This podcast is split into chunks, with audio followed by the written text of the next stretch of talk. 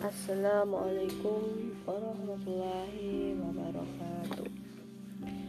Alhamdulillahirrabbilalamin Wassalatu wassalamu ala asrafil anbiya'i wal mursalin Wa ala alihi wa sahbihi ajma'in. Puji syukur kita panjatkan kehadirat Allah Subhanahu wa taala. Di pagi hari ini kita kembali uh, saya akan sedikit memberikan apa ya materi kaitannya dengan zikir. Oke berbicara tentang zikir zikir ialah mengingat Allah dengan hati dan menyebutnya dengan lisan. Zikir merupakan uh, makanan hati yang jika tidak mendapatkannya maka badan menjadi seperti kuburan dan mati Jikir merupakan senjata yang digunakan untuk menghadapi para perampok jalanan. Merupakan air yang bisa menghilangkan rasa dahaga di tengah perjalanan. Merupakan obat yang menyembuhkan penyakit. Jika mereka tidak mendapatkannya, maka hati mereka akan mengkerut karena zikir merupakan perantara dan penghubung menyingkirkan kesusahan sehingga musibah yang menimpa mereka terasa remeh. Jika ada bencana yang datang, maka mereka berlindung kepada zikir. Zikir merupakan taman surga yang mereka diami dan modal kebahagiaan yang mereka pergunakan untuk berniaga. Zikir mengajak hati yang dirundung kepiluan untuk tersenyum gembira dan menghantarkan pelakunya kepada zat yang kita bersikir kepadanya dan bahkan membuat pelakunya menjadi orang yang seakan tidak layak untuk diingat. Dalam setiap anggota tubuh ada ubudiyah yang dilakukan secara temporal. Zikir merupakan ubudiyah hati dan lisan yang tidak mengenal batasan waktu. Mereka diperintahkan untuk mengingatkan sesembahan dan kekasihnya dalam keadaan bagaimanapun.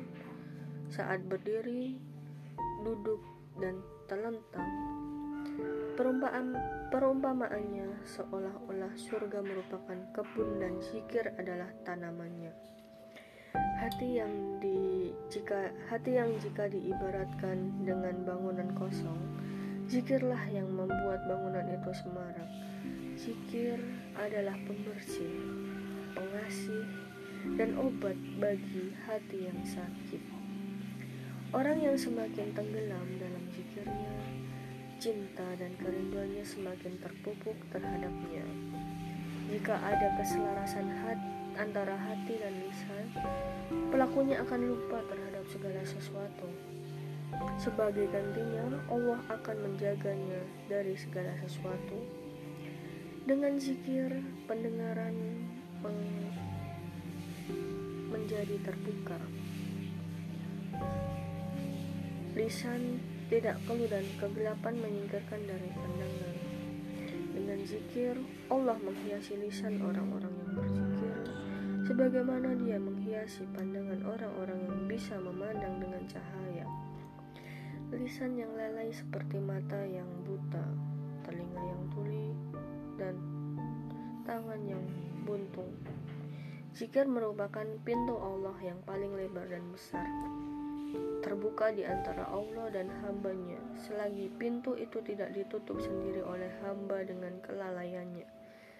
Zikir merupakan roh amal-amal yang saleh. Jika amal terlepas dari zikir, maka amal itu seperti badan yang tidak memiliki roh. Di dalam Al-Quran disebutkan 10 aspek dalam hubungannya dengan zikir, antara lain perintah zikir secara terbatas dan tidak terbatas, larangan kebalikannya yaitu lupa dan lalai, keberuntungan yang bergantung kepada banyak zikir dan kontinuitas, pujian terhadap para pelakunya dan pengabaran tentang surga dan ampunan yang dijanjikan Allah bagi mereka. Pengabaran tentang kerugian yang mengabaikan zikir dan sibuk dengan selainnya. Dalam Al-Quran surat Al-Munafikun Ibnu Al-Qasim al jauziyah oke sekian tausiah dari mohon maaf jika terdapat uh, kekurangan karena kekurangan milik saya pribadi dan kelebihan hanya milik Allah Subhanahu wa taala. Bila taufik wal hidayah. Wassalamualaikum warahmatullahi wabarakatuh.